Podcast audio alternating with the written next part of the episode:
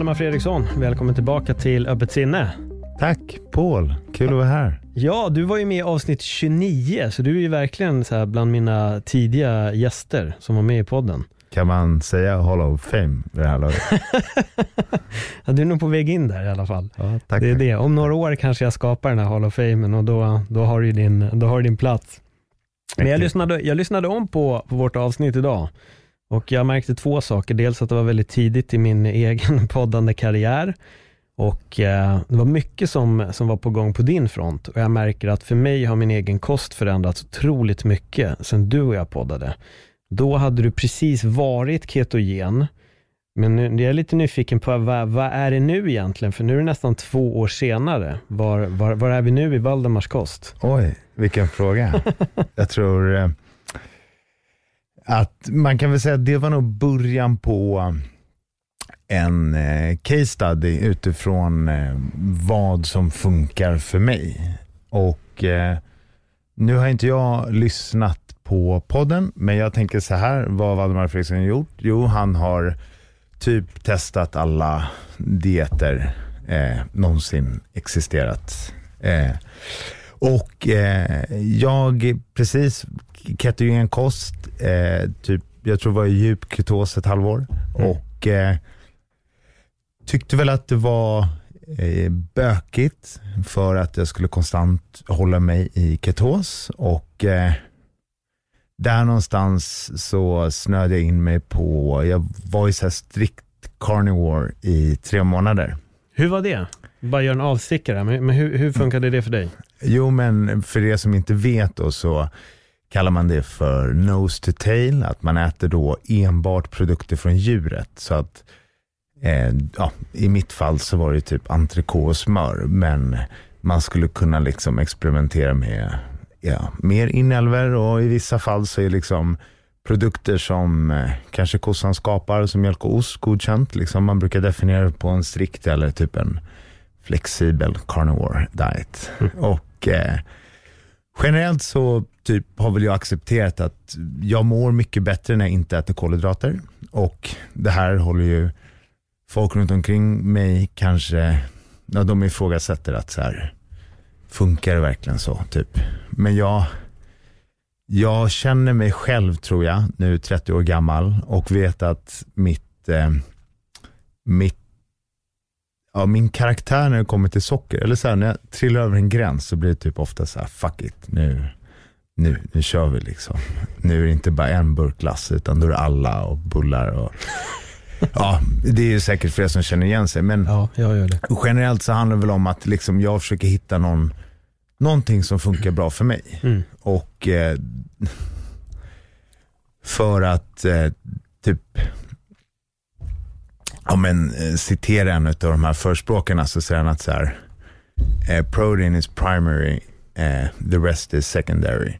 Och det är typ lite så jag funtar nu. Jag käkar gärna fettigt kött eller fisk. Liksom. Det blir inte så mycket fisk för att, ja, eh, shoutout köttkompaniet. Men, eh, eh, ja, men just för att jag tycker att det är jävligt gott. Det blir en riktig pangmåltid varje gång jag äter. Och eh, det är extremt smidigt att steka en, en biff eller entrecote. Du har ju sett att du är en förespråkare också. Ja, ja, jag får väl säga shoutout Gårdsällskapet då. då.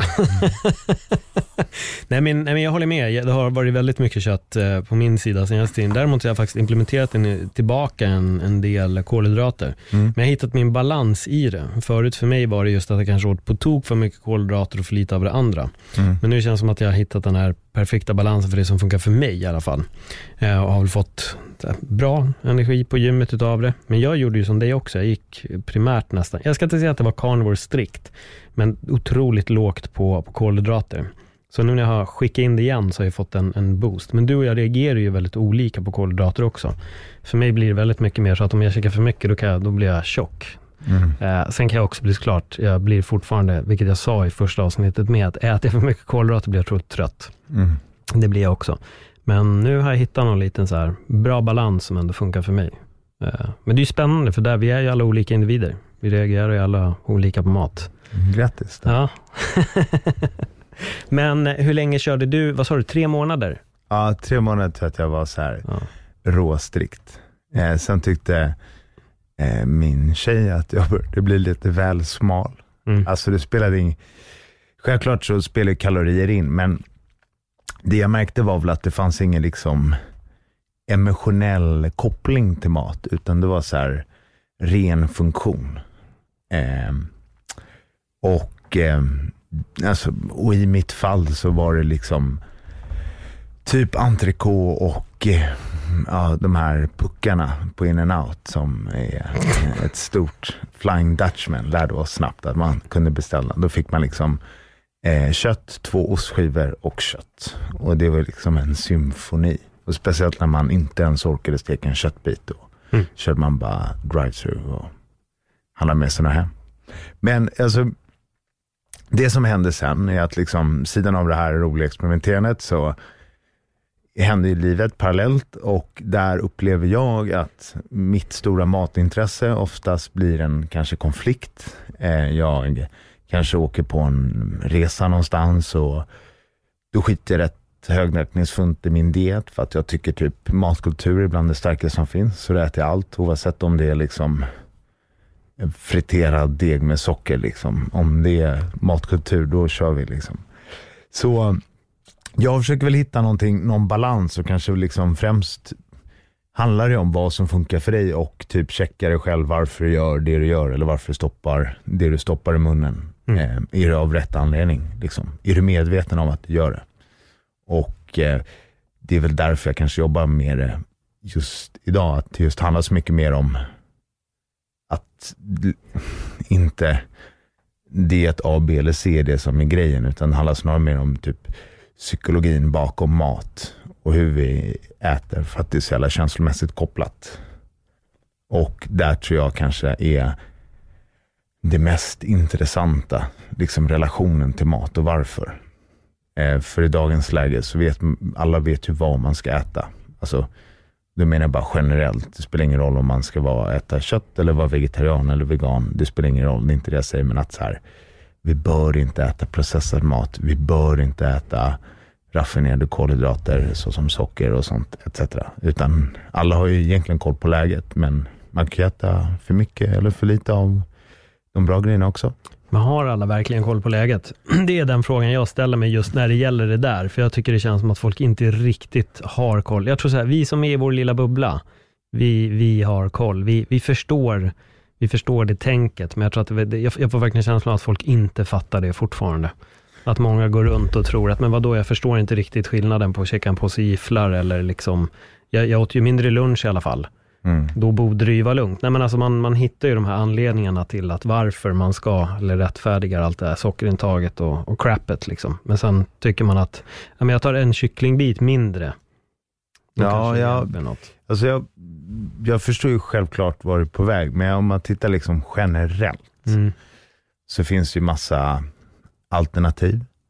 Eh, vi kan titta på alla liksom drycker. Nu säger jag inte att det här är nödvändigtvis hälsosamma, men att alla proteinbar som finns har någonstans blivit ett substitut som jag kanske tror kan vara åt rätt håll.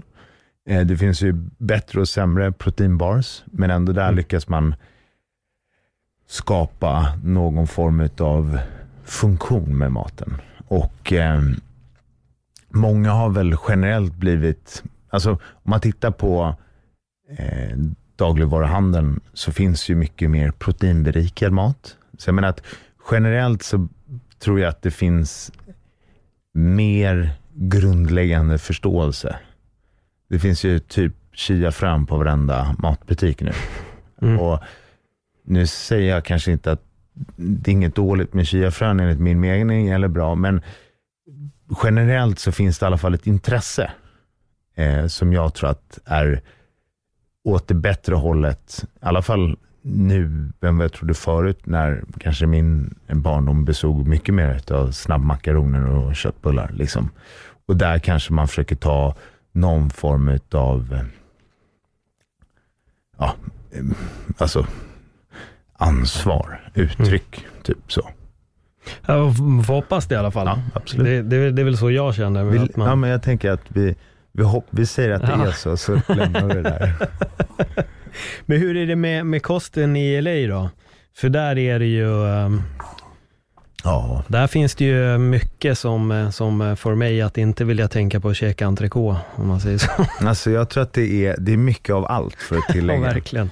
Och ehm, eh, nu kanske Paul var lite snabb in på ämnet, men det som har hänt då eh, sen vi poddade sist Ja. att eh, Valdemar Fredriksson har bott i LA de två senaste åren och eh, bor och jobbar som tränare. Och eh, förutom det då, för att koppla tillbaks till maten i LA, så är ju den det finns ju uttryck för allt. Även den här lilla bubblan vi har koll på, den finns ju asmycket av där. Och även allt det där andra som man vill också vara med av. Alltså, liksom typ mjukglass som är, smakar mjölken från eh, korn, alltså när jag haft Kellogg's i mjölk. Mjukglass som smakar det. Det Ja. kan man ju inte säga nej till, för det är ju amerikansk matkultur, eller? Exakt. Exakt. Eh, så jag menar att det finns ju asmycket av allt. Men generellt så är alla, den, den, den, alla är keto eller så är de vegans Mm. och det typ står på allt, vilket är jätteroligt. Även på typ ett paket så här gummibjörnar vid kassan ska det stå så här vegan eller så här fat free. Man bara, ja men det har ju ingenting med om det är en bra produkt eller inte. Nej. Men det känns som att det är så ytligt så att man bara läser, alltså inte bara till sättet vissa kan vara, för det finns mycket mer djup i LA än vad man tror, men att bara vid maten så tror jag att liksom, ja, det är liksom mest lättillgängliga tar man och så håller man hårt för det. Men jag, jag tänkte på, för du har ju också, det känns som att du utbildar dig i allt, för det dyker upp diplom på diplom på diplom på din Insta. Vad är det senaste som du eh, utbildade dig i? Ja, men alltså, det här med kosten har ju varit jätteintressant för mig. Det började väl som ett, en personlig utvärdering. Liksom. Vad, vad funkar, vad funkar inte? Och sen så ja, men blir det ringa på vattnet, precis som att du sitter här och poddar. Det kanske börjar med att du bara hade bra samtal med folk, typ så. Och eh, då började jag ja, men kika runt, liksom. det finns ju så otroligt mycket. Så då började jag plugga via några som heter Precision Nutrition. Och eh, John Berardi som är deras eh, ja, grundare, är jävligt logisk i, jag lyssnade på honom på ett TED Talks eh, där han pratade om mat typ. Och jag tyckte bara shit, den här killen har nice inställning. Så då, eh, ja men nu vet man googlar vidare, hamnar på något och sen så ser jag liksom att, ja men de här är legit liksom. Det är USAs största nutrition coach utbildning. Ehm, så läser jag grundblocket som liksom handlar om allt det där eh, som oftast går in genom ena örat, ut genom andra, i mitt fall. Liksom mikro makronutrienter, LDL, HDL, liksom alla hormoner i kroppen, hur de funkar och spelar roll. Och sen så eh, liksom gick det här över till individen. För att det man också inser är så här, eh, har du inte koll på de grundläggande bitarna som inte ens har med mat att göra, varför ska vi in och pilla där? Liksom, är du konstant stressad och sover dåligt och inte ens dricker vatten? Varför ska vi börja kolla på liksom vilken typ av kolhydratkälla du har på tallriken? Det blir otroligt logiskt. För så här konstant back to basic, back to basic. Och eh, det inser jag nu i efterhand att det ligger så otroligt mycket i det. För att vi kan Mm. gå in och pilla på liksom de här grejerna vi tror kommer göra skillnad, men finns inte det fundamentala på plats, då spelar det ingen roll vad vi gör, vilken diet vi är på. Liksom. Och sen att man märker att det är så otroligt mycket mer emotionellt kopplat. Så det var liksom grundblocket och sen så eh, signade jag upp på deras masterclass som det heter, så man gör ett intern i ett år och jobbar med en coach. Så då får man varje vecka en, en case study som det heter på så här, ja, eh, denna vecka så kommer Paul in på kontoret. Eh, Paul är triatlet, han är vegan, men han har också MMA-drömmar. Han tränar 16 timmar i veckan, han är konstant i ja, eh, app, app, app, stressad så här. Så bara hur, hur, vart börjar det? Typ, så får man den typ rakt i knät. Och så måste man börja liksom så här. Ja, oh, shit, så här, vad är hans värden? Typ, hur tänker vi här? Eh, ofta handlar det alla, alla blir så här, oh, först och främst så sover Paul. Nej, han sover inte, för han ligger vaken på nätterna och tittar YouTube på hur man kan cykla snabbare, för det är hans typ så här. Så man börjar liksom förstå att den här stressen och den här problematiken, även om vår gemensamma nämnare är mat, så behöver den det kanske bara är liksom det gemensamma var på bordet, men det blir så mycket annat som liksom kanaliseras genom maten. Mm. Oavsett om man är positiv, och eh, har ja, dålig eller bra relation till mat, så finns det så sjukt mycket, mycket, mycket, mycket mer än om man ska ha chia, pudding eller en protein, whatever. Alltså, och det tror jag var det som för mig kanske var, nu låter det så här sjukt logiskt och alla bara, det är klart, men för mig var det en eye-opener att så här, vissa klienter, för jag har liksom skrivit det finaste kostschemat någonsin du kan tänka dig och det kanske funkar för vissa för de kan hålla det, gör fantastiska resultat efter de här 8 till 12 veckorna, whatever vi har satt på det. Och sen då? Sen går det ofta bara ut för. Mm. Men jag är nöjd för jag har fått min före och efterbild. Men jag som individ vill ju liksom gräva djupare där. Liksom. Varför funkar det inte? Varför lirar det inte? Och vice versa. Ja, men det är spännande, för det här går faktiskt lite hand i hand med det vi pratar om, för där kommer vi in även en hel del på sömn. Mm. Uh, och jag lyssnade på den podden sen, det var den här sömnkillen som hade varit besökt Joe Rogan. Just det, just det. Som pratar väldigt mycket om sömn och allting är ju... Exakt. Och allting är ju rimligt precis som du säger och jag har väl länge i många av mina poddar också pratat om att man tittar sällan på helheten.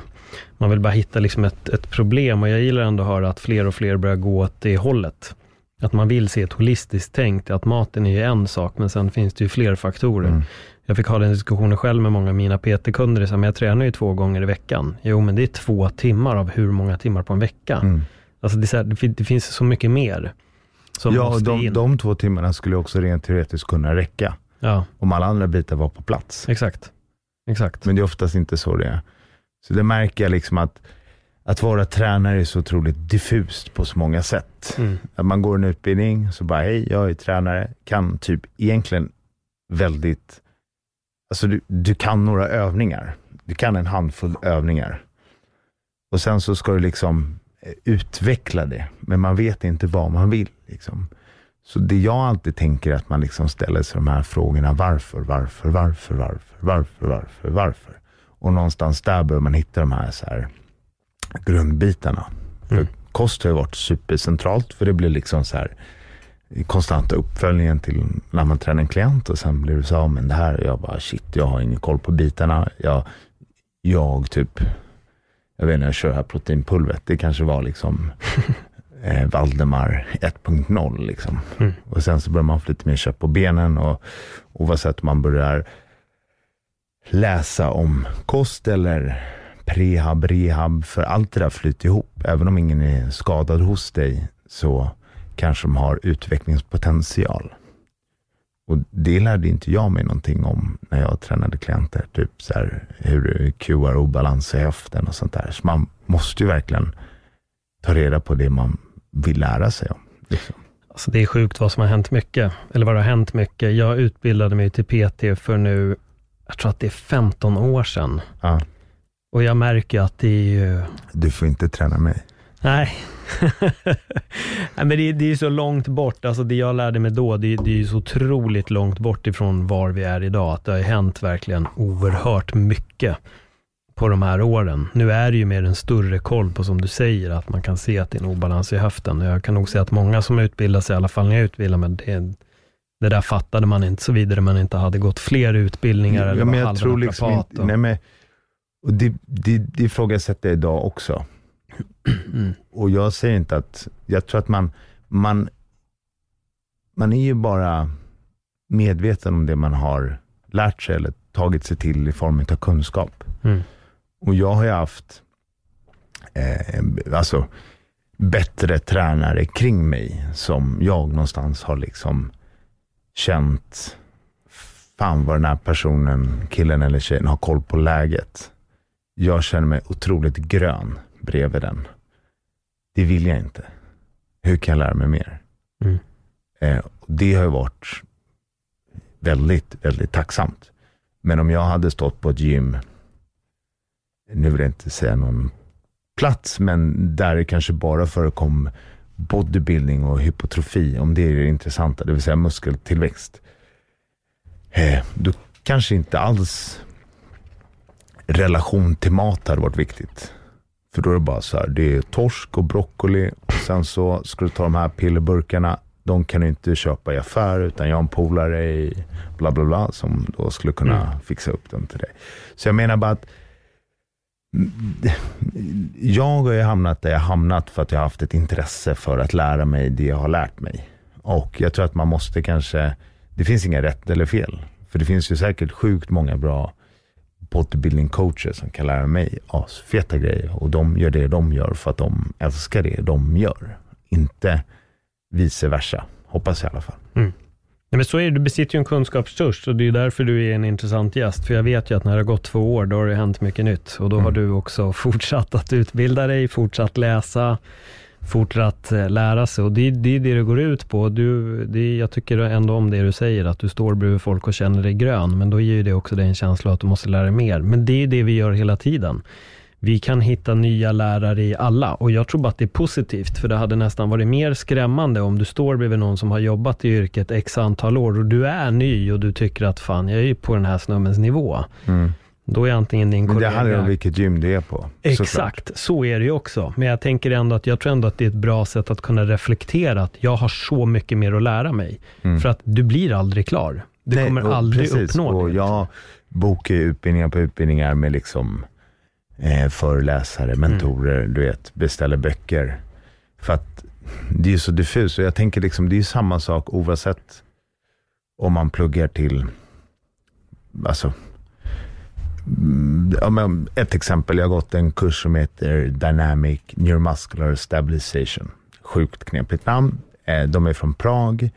De tillhör det, det är en fysioskola, alltså sjukgymnaster fast från Prag. Och de har en teori där väldigt mycket kommer utifrån det interna båltrycket. Så att man pratar om liksom hur andningen påverkar träningen. Eh, bitvis Eh, liksom ett, ett, insteg till att typ förstå lite mer hur kroppen funkar. Men också så här torftiga lärare för att de är från eh, eh, Prag och kanske inte håller på med sport och kanske inte tycker att så här, den typen av träning jag håller på med är intressant, så att den blir kanske väldigt klinisk. Eh, nu hade vi en skitrolig lärare. Han är en gammal byggare, så han var ju bara rolig. Eh, men det jag menar är att eh, vad, vad var frågan? Nu blev det helt Ja, blankt. men att fortsätta lära sig. Det var där vi började. Att, och du sa det, du bokar utbildningar på utbildning. Eh, ja, och eh, det jag bara tänker på är att nu, jag, nu, jag kommer lite av mig, men det, det jag tänker är så här. Eh, här så har vi en, en kunskap och jag tänker att så, oavsett vilken utbildning du väljer, nu är inte en, att vara en tränare handlar om att liksom bygga sitt, sitt, sin egna kunskap i Sverige. Men om du är en sjukgymnast så har du ändå en form av legit utbildning. Mm. Men även där måste man söka nya råd och rön och eh, förstå att vissa andra grejer kan hänga ihop som kanske inte finns i, i grundblocket på dina tre år. Och det jag menar då med de här gänget från Prag, det är att där är det så här, det är liksom, de är liksom heliga. De har alla toppatleter. Jaromir Jagovic är med på varenda atletbild, liksom hockeyspelare. och han är känd för att han aldrig har varit skadad. Och, och, och det är en rätt, vad ska man säga, en, en, en respekterad, eh, i alla fall i vissa, det finns alltid två sidor av myntet liksom. Men jag lärde mig en hel del, som allt, med cherry-picking. Men det jag menar att även om man, det spelar ingen roll vad man gör, man måste ju söka kunskapen vidare och vidare, vidare, vidare, vidare. Mm. Och, och det tror inte jag spelar någon roll om man hade varit sjukgymnast eller naprapat. Man kan ju inte bara lägga ner, utan då får man ju se det från andra synvinklar, för det kommer ju massa andra eh, tips och tricks. Ja, men så är det absolut. Det märkte jag med min egen resa inom PT-yrket. Att det händer ju saker hela tiden och ju mer man jobbade, desto mer insåg man att man inte riktigt förstod heller och man upptäckte nytt konstant. Jag menar, Mm. fan jag utbildade men det var ju teorin att gör inte knäböj under 90 grader. Nej, men precis. Alltså, det, vi, vi är ju långt ifrån det idag. Nu handlar det ju mer om att liksom, wow, här i Sverige har vi svårt att skotta. Prova att göra det. Sen ser man en film från Asien så gör de det ju som ingenting och kan sitta Mm. där i 15 timmar. Och här har ju folk problem att ens komma ner i en skottposition och stanna där i 15 sekunder. Mm. Så jag menar, det, det, har hänt mycket och jag tror bara att det här är bara början. Det kommer bara fortsätta. Och, och det är väl lite roligt att det finns eh, otroligt mycket eh, rolig information att ta till sig Mm. där. Och just att alla, eh, det är sånt roligt liksom entreprenörskap med folk som ändå har en, tes eller teori som driver den, kanske en tre dagars workshop. Det är så mycket mer där omkring som är rätt roligt. Man Mm. åker till en så oklar ort och träffar konstiga människor eller asfantastiska människor. Och så håller man på och labbar liksom utifrån de här principerna ihop. Och ja, bara det är ju roligt i sig. Vad är det för utbildning du har koll på just nu eller är det någon du till och med går just nu kanske? Eh, Just nu, eh, så det första som hände när jag var klar med den här ett år utbildningen där med kost, då sa jag så här, fan nu ska jag inte plugga någonting mer. För varje vecka var det så här, oh, shit nu har jag en inlämning så här på fyra sidor på engelska. Vilket var jätte, jättebra för mig på många sätt. Liksom. Dels verbalt och börja liksom skriva eh, om saker och ting som man kanske inte skriver om. Eh, men eh, sen så insåg jag liksom att vad gör jag nu? Jag gjorde inget liksom, eh, jag, jag sökte inte information, vilket var jätteskönt första veckorna.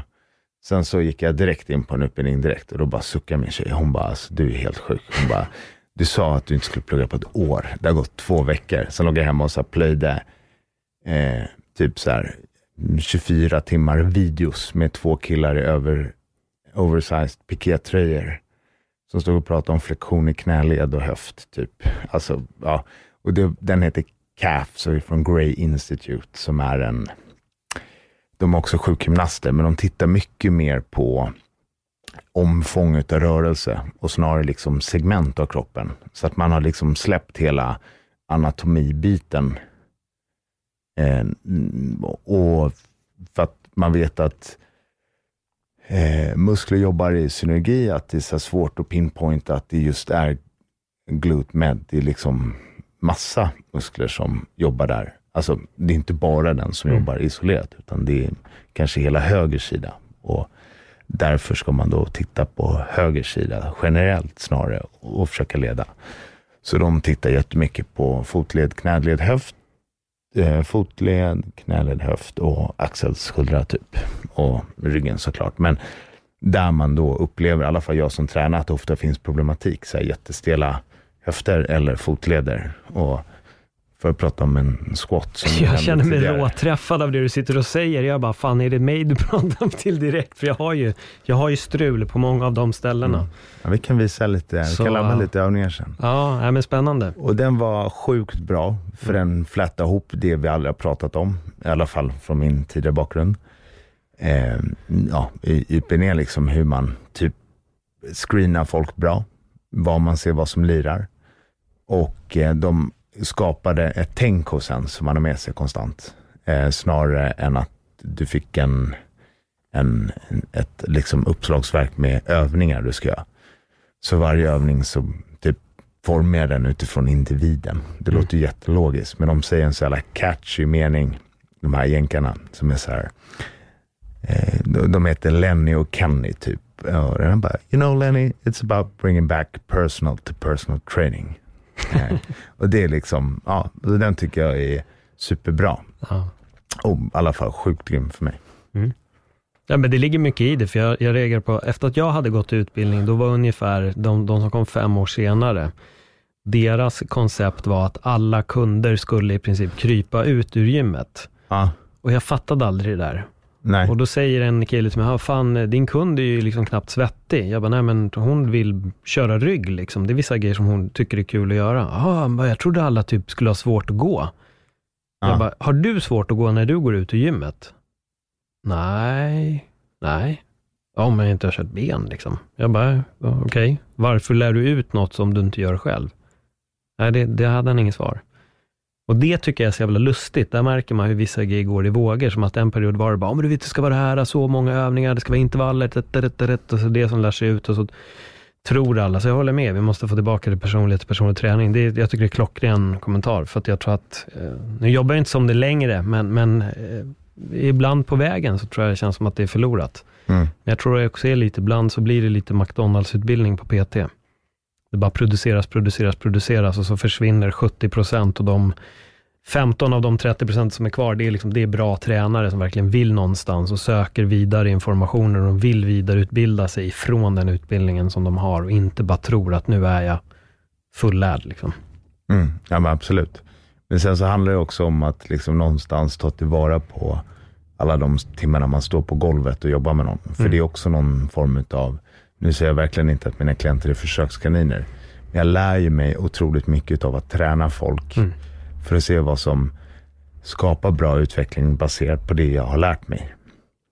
Så att, att bara jobba i en fantastisk skola i sig. Men sen så måste man kanske ha ett intresse på riktigt. Mm. Än att bli sponsrad av ett eh, proteinbrand. Ja, Typ så. ja, jag håller med dig. Men eh, jag, jag vill gå in också lite, för du arrangerade ju eh, NAJA-initiativet, Contemporary Training, eh, var det något mer eller var det så det hette bara? Festival. Festival, så var det. Var fick du idén ifrån? Eh, ja, men jag eh, jobbade med Spendrups eh, energidryck som heter Naja, som är en eh, dryck med koffein. Finns med utan koffein och med utan BCA. En funktionsdryck. Eh, och jag var friend eller ambassadör. Och då så skulle vi utforma ett projekt utöver att vara ambassadörer. Eh, och då var det liksom någon form av event och jag tänkte liksom på vad jag tycker är kul. Och eh, för mig så, man vill alltid göra någonting, man vill inte göra någonting halvdant. Och eh, för mig så är träning så mycket mer än bara träning. Utan det är liksom ett, det är någonting som jag bara tycker är sjukt kul. Och jag menar att det behöver inte vara tråkigt att träna. Så vi, eh, då liksom formulerade vi, eh, vi kan säga grundbulten var att vi var på ett event i New York som var för en dryck som heter Propel, som var en så här elektrolytdryck från Gatorade. Som var sjukt påkostat. Alltså typ det mest bisarra eventet du kan tänka dig någonsin. De hade liksom en turné i hela USA. Och där hade de artister på varje sätt. Och, eh, men problemet var att det var bara att de hade hyrt fläskiga lokaler, hade fläskiga akter, men sen så var det bara medioker träning. Mm. Och det fanns inget djup i eventet, utan det var bara så här, vi tar stora namn och sen blir det jättebra. Så då tänkte jag typ så här, ja men jag vill, jag vill skapa ett ställe som man inte vill lämna. Och så här den här idyllen av att vara på festival, att man bara går runt och typ tycker att det är magiskt, att man bygger en liten utopi där. Och det lyckades vi med. Det var helt fantastiskt. Fortfarande, nu har jag gåshud igen här, för jag tyckte det var så otroligt lyckat. Eh, så vi hade typ fem pop-up träningsstudios. Eh, jag fick med mig en av mina samarbetspartners, Gymleko, som såg till att vi hade dunderutrustning på alla platser. Så vi körde allt ifrån en workshop med två gymnaster i handstående till meditation, till klassisk 80-tals aerobics, till eh, ja, självklart eh, massa yoga och sen hade vi liksom eh, eh cirkelträning och sen hade vi sån här ja, 3D-funktionsträning. Alltså vi hade bara all, alla roliga träningsformer som man liksom kunde droppa in på olika klasser och sen hade vi föreläsningar med bland annat en kille som heter Paul. Han var okej. Eh, och lite polare till mig som jobbar med musik som var där och spelade lite musik. Så det var verkligen aslyckat. Mm. Det var typ som eh, live Tinder. Det var liksom det. Det hände så mycket lokal. Det var liksom som på, det var som att vara på nattklubb liksom. Fast det var helt andra grejer. Ja, nej, men det var det. Det var, det var en bra stämning. Jag gillar stället ni var på också. Det Mm. var, det var riktigt schysst. Jag tycker det var en cool koncept också, att det liksom pågick klasser, som var en föreläsning, som var det kanske en dansgrej. Liksom det, det hände väldigt mycket i de olika rummen. Eh, snyggt uppbyggt. Mm. Det, var, det var bra. Var, Kul. nu är det coronatider, så man ska inte säga när gör ni nästa gång, men jag antar att ni kanske planerade att göra det igen, eller vad Alltså, var liksom... det, det, det är såklart drömmen. Mm. Alltså givetvis. Men det här året, 2020, har väl inte sett ut som någon har planerat. Nej. Så vi får väl vi får vänta och se helt enkelt. Ja. Men vad hände? För det har ju hänt mycket mer efter det. Det här var ju liksom inte bara nu kör vi Naja, utan det fanns ju en större tanke bakom konceptet också. Ja, men så eftersom jag lyckades få med mig så otroligt mycket vänner, för jag för att liksom skapa det här eventet. Det hade inte varit möjligt utan dig eller alla fantastiska tränarpolare som ställde upp eller alla som var där och spelade musik. Alltså, för så här är det, att jag tror att man, eh, man, man gör grejer tillsammans. Det var mitt namn på det, men jag hade inte kunnat göra det utan någon annan. Punkt slut. Och då kände jag, antingen så tar jag det här gaget själv, men jag kände väl, vilket skulle vara är helt fine. Eh, absolut. Men eftersom jag då hade en större vision så har jag en annan vän som heter Sebastian Boyassa, en gammal fotbollsspelare för Bayern. Han är colombian, har flyttat tillbaka till Colombia och driver eh, sociala projekt för kids som kretsar kring träning och hur man då kan, just i de här problemområdena där han hänger så vet vi att just träning är en unik sak för att se till att folk slut, eller se till att hålla dem borta från gatan. Mm. Och eh, vi hörs dagligen. Eh, vi skickar peppmeddelande till varandra för att han är oftast, eller han är gifta barn med en colombianska, men eh, han bor där och så har han inte liksom, han har lämnat Sverige, jag är i LA, jag har lämnat LA, så eh, kan det vara liksom lite motigt ibland. Så vi ringer varandra och peppar, eller skickar som alla latinos gör, ljudmeddelanden på WhatsApp, vilket är sjukt trevligt. Så hör man hans röst när man liksom vaknar. Ja, summa summarum. Jag sa Sebbe, det kommer finnas en, en, en slant pengar. Vad kan vi göra i Colombia? Och typ, typ en vecka senare hade han liksom ett toppenprojekt till oss. Och då hade han hittat i, eh, ja, utanför Kallis i är det en annan stad eh, som var klassad som, just området där vi var i som hette La Comona är, var klassad som typ farligaste plat, näst farligaste platsen 2019 i Colombia. Det var supermycket tråkigheter. Alltså, ja. Och det är knark och gängvåld liksom. Men där huserar en ex-olympian, alltså en, en, en gosse som heter Hector och han har tävlat i eh, typ OS, nu ska jag inte säga några år för det kommer vara fel, och i tyngdlyftning. Så han är en eldsjäl där borta och har en tyngdlyftningsklubb. Och den ser ut som skit, bokstavligt talat. Det är liksom eh, pinnar och tegelstenar de lyfter, men de får att funka. Så eh, ja, vi finansierade det projektet, så vi gjorde en så här rå renovering av lokalen, la nytt gummigolv, målade om väggarna, det var liksom hål överallt och eh, pangade in liksom skivstänger och ja, rubbet. Och det var typ bland det roligaste jag gjort i hela mitt liv, för det var bara helt hysteriskt och just hur typ eh, Colombia fungerar var ju också en, en spännande upplevelse att se. Det förstår jag. Mm. Hur, eh, hur togs projektet emot? Ja, eh, det vi fick lära oss rätt snabbt var att eh, colombianerna själva har en så här, en, ett sätt att säga att Colombia är världens mest korrupta land. De har inte vunnit den platsen, utan de har köpt den. eh, och det var väl typ så det var. Så det som händer är att vi hade låst utrymmet för att ingen ska komma in. Det var i anslutning till en skola som var förmodligen som kåken. Alltså det var helt hysteriskt. Det var liksom, folk bara hängde ut och skrek och eh, ja, Vitingen, Valle var där liksom. Ja, ja det, var helt, det var helt hysteriskt. Så vi höll oss låsta i det där rummet och bara måla, måla, måla, måla, måla, renovera, renovera, renovera. Och sen så, sista dagen vi då skulle ha invigningen, då bara dök så här 14 politiker upp. Och jättemånga liksom, ja, högt uppsatta människor som bara slog sig för bröstet och typ någonstans ville liksom claima att de har varit med och liksom gjort det här. eh, vilket var helt hysteriskt. Så jag kommer ihåg att jag står där på typ scenen och är med i ett tacktal i typ så här 20 minuter på spanska som jag ingen aning om vad någon sa. Liksom. Och det bara, liksom, ordet gick bara vidare och vidare och alla bara slog sig för bröstet. Eh, och egentligen handlade det här bara om, om kidsen. Liksom.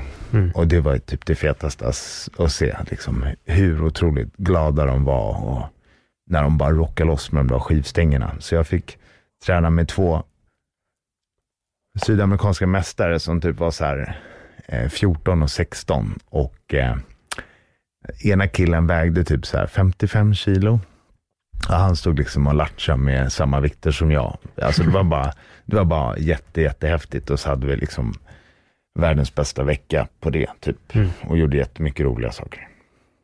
Kul. Ja, helt otroligt. Mer det, sånt. Ja, nej, men det, det är häftigt. Alltså, jag menar, här starten, som du säger, då har du kunnat tagit pengarna själv, liksom, men sen så ger man det till, en, till ett, eh, vad ska man säga, det goda för alla. Att man eh, delar med sig istället där borta. Hur, hur är det på gymmet nu? För nu är det ju några månader sedan. Har du mm. fått någon uppdatering? Sjukt bra fråga. Det vi gjorde var att vi gav ansvaret då till de här toppatleterna därifrån. Mm. Vi sa så här, det här är, ni har fullt ansvar. Eh, och, och så kanske vi sa lite mer saker, men de fick nycklarna och ansvaret.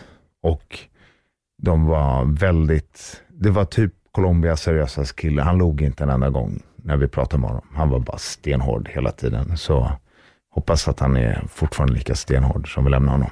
Mm. Spännande. Mm. ja, jävlar. Men vad, vad händer härnäst då? Vad, vad, om vi ser förbi coronatider, vad, vad bjuder framtiden? Eh, massor. Jag, jag, tycker att trots omständigheterna är det här ett toppenår. Det är massa kul som händer, massa rolig utveckling och eh,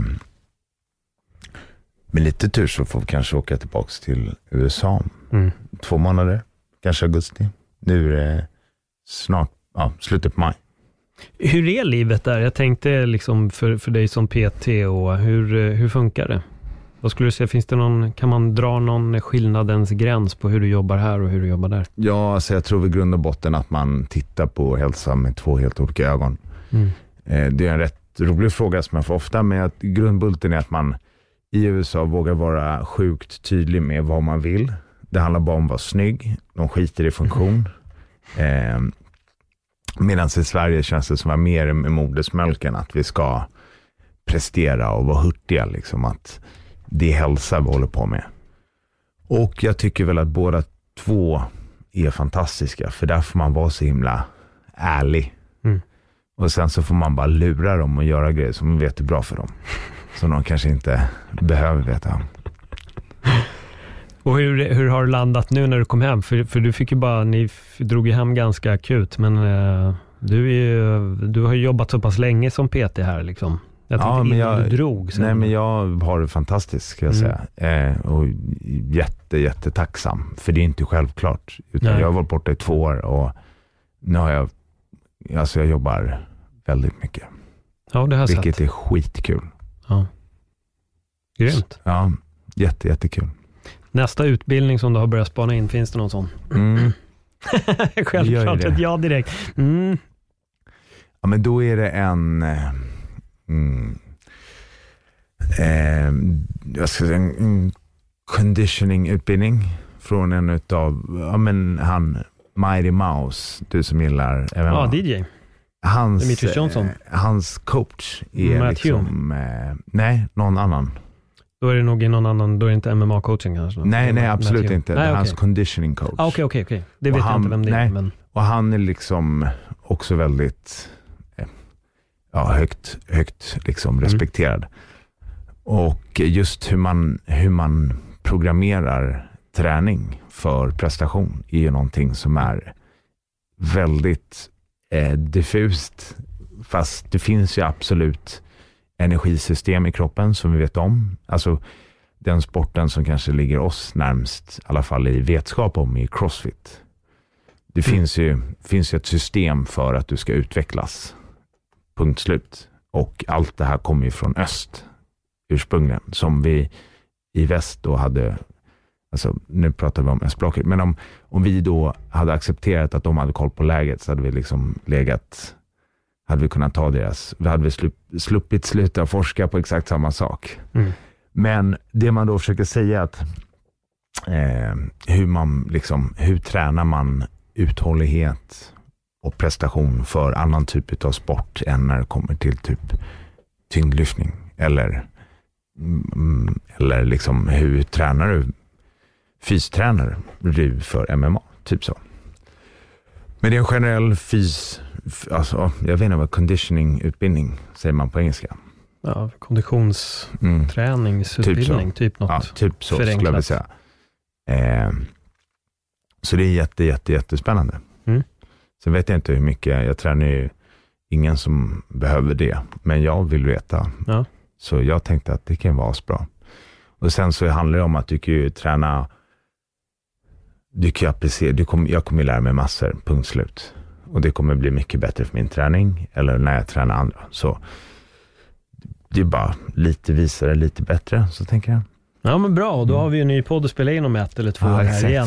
Det är nya, nya kunskaper som jag Mm. behöver fiska fram. Nej men, men jag gillar det, alltså jag, som sagt för mig kunskapstörst är väldigt, väldigt viktigt och Mm. eh, det är alltid intressant att få in folk som har kunskapstörst inom olika områden. Och du är ju verkligen sån inom träning. Så det är alltid superspännande att lyssna och det är när, eh, när Valdemar pratar då spetsar man öronen Tack, tack. och att ta till sig. Men om folk vill eh, följa dig på din resa eller kanske till och med eventuellt boka dig som PT under den tiden som du är kvar i Stockholm, var hittar man dig då?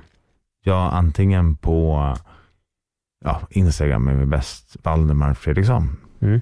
Typ så. Perfekt! Tack för ett bra samtal Ja, Valdemar. men tack själv Paul. Tack för att jag får komma hit. Ja, men såklart. Och uh, gå fler utbildningar så vi kan sätta oss fler gånger och prata ännu mer. Ja. Om ni gillar podden, dela er den jättegärna på era sociala medier. Glöm inte att prenumerera på Öppet sinne så ni inte missar andra intressanta samtal. Om ni kan ratea podden, gör det jättegärna så blir jag tacksam. Med det säger jag tack för den här gången. Hej då!